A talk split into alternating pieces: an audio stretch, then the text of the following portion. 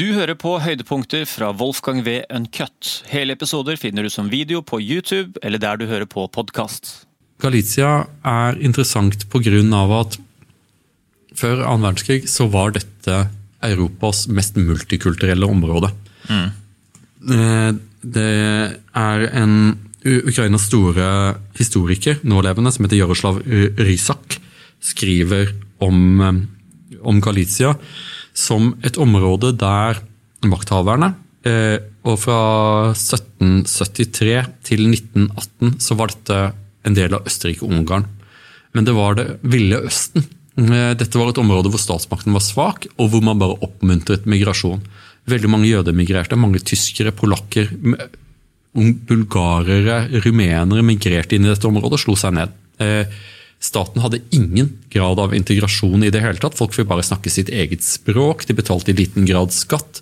De bare etablerte sine egne landsbyer. Så folk som reiste gjennom Galicia, beskrev det som et sånt nesten som et sånt Narnia. da. Det er liksom, man reiste fra en jødisk stettel, og en kilometer senere kom man til en ren tysk landsby med tysk arkitektur, etterfulgt av en bulgarsk eller, eller ungarsk landsby, der etniske grupper bosatte seg som et, gjennom et, et, et lappeteppe. Og dette her var en eh, harmonisk eh, område også, eller? Nei. Nei. Det var ikke et, det var ikke et harmonisk område. Eh, dette området var, eh, var, var, var nok preget av at eh, man gjorde som man ville i sitt, sitt nærområde, men da dette ble satt under press, så gikk de løs på hverandre. Mm. Omer Batov, som er en annen eh, ukrainsk historiker, eh, historiker, kaller det for, eh, eh, for sivilt folkemord, det som skjedde i Galicia. For først eh, så invaderer Tyskland, Nazi-Tyskland, Galicia. Og de har fullt ut tenkt å gjøre dette til en del av Tyskland. Eh, De har tenkt å gjøre det til en del av Stor-Tyskland. Hmm. Det De gir til og med ut en reisebok, eh, en på- for, for, for, for Galizia, eh, der man betoner allting som er tysk, og bare ser bort ifra alt annet. Så Tanken var at dette skulle gjøres til en del av det stortyske riket eh, når, når krigen var over. Med, med tysk grundighet så gikk de løs på jødene. Eh, Holocaust starter i Galicia, eh, men da er det et folkemord med kuler. De bare skjøt jødene hvor enn de støtte på dem. Samtidig så hadde jo allerede eh, dette området opplevd eh, og Sovjetunionen. Der Sov- Sovjetunionen allerede hadde, brent gjennom og gått løs på polakkene, som ble sett på som eh, klassefiender. Og igjen så var det en form for sivilt folkemord der folk ble slaktet ned med økser. Og, eh, og liksom etter sånne gode, gode, gode kommunistiske kriterier som at vis meg hendene dine, og hvis du ikke hadde trær i hendene, så var det rett til siden eh, for, å, for, å, for å få en øks i hodet. Eh, anslagsvis noe sånn som 30 000 eh, polakker blir drept i dette. Så det, det var allerede blod på bakken da krigen bryter ut. Det som er spesielt, er at når da eh, krigen begynner å kladde ordentlig for tyskerne, og tyskerne begynner å trekke seg tilbake, men før Den røde armé kommer, så går de ulike befolkningsgruppene løs på hverandre eh, i et sivilt folkemord. Der ulike landsbyer går løs, eh, som en avart av det vi senere så i Jugoslavia, men mye grimmere. Der titusener av mennesker, menn, kvinner og barn, blir drept pga. sin etnisitet i dette multikulturelle eh, området. Og Det viste seg da at, eh, at den statsstrukturen man hadde laget i Galicia eh, under Østerrike-Ungarn, da de var kjent som Galicia og Lodomeria litt av som Spesielt for Lodomeria har, finnes ikke. Det har aldri fantes. Det var, man kalte det Lodomeria for å kunne knytte den eh, kongefamilien til, til de gamle germanske stammene eh, som man fant på et kongerike, og for å si at man også var konge av det. Eh, og det er liksom grunnet da deres legitimitet i middelalderen på en eller annen måte. Men iallfall Galicia eh, var, var dårlig konstruert. Man, eh, man tok og lagde den type samfunn som vår tids multikulturalister argumenterer for at vi skal gjøre med våre samfunn.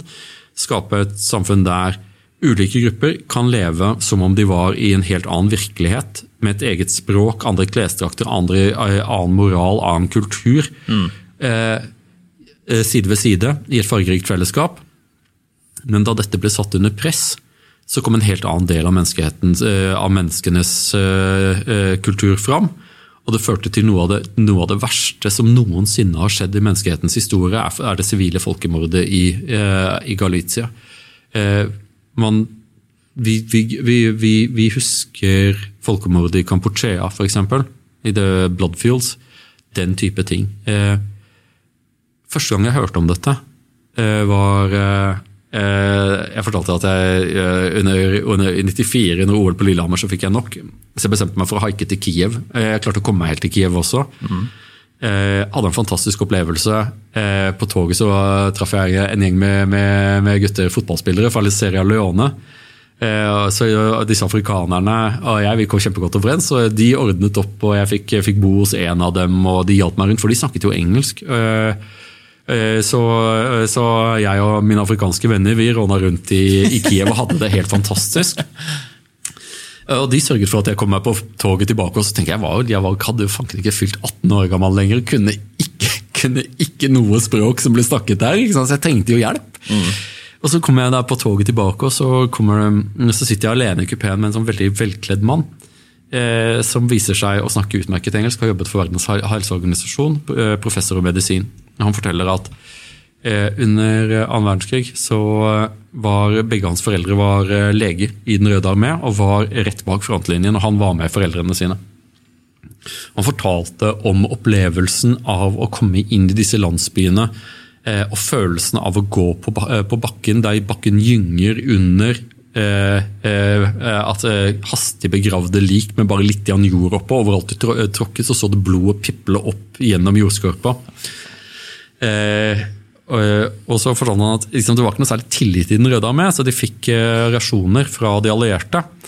Eh, men de stolte ikke på, på, på, hverandre til å åpne dem, for alle var redde for at noen skulle bøffe det. Mm. Så derfor ble hans, eh, de Barna ble satt til å åpne opp, for de visste ikke, for de kunne jo ikke lese hva som sto på eska. ikke sant? For de, har, de snakker, Allting fungerer på kyrillisk. Mm. Det er samme som om de skulle få massevis av svære herme, gigantiske hermetikkbokser med kyrillisk skrift. Hva er oppi her? Aner ikke. Mm. Og Så fortalte han liksom at Eh, vi sto ute, eh, vi sto eh, ute og røkte ut gjennom vinduet, og så, så hadde jeg et kommentar. Jøss, røyker du palmall? Liksom? Det er ganske, ganske spesielt. Og så sier han jeg har røkt palmall siden den dagen. For han hadde da åpnet opp en eske, og så var det en kjempesylinder stappfull av sigaretter.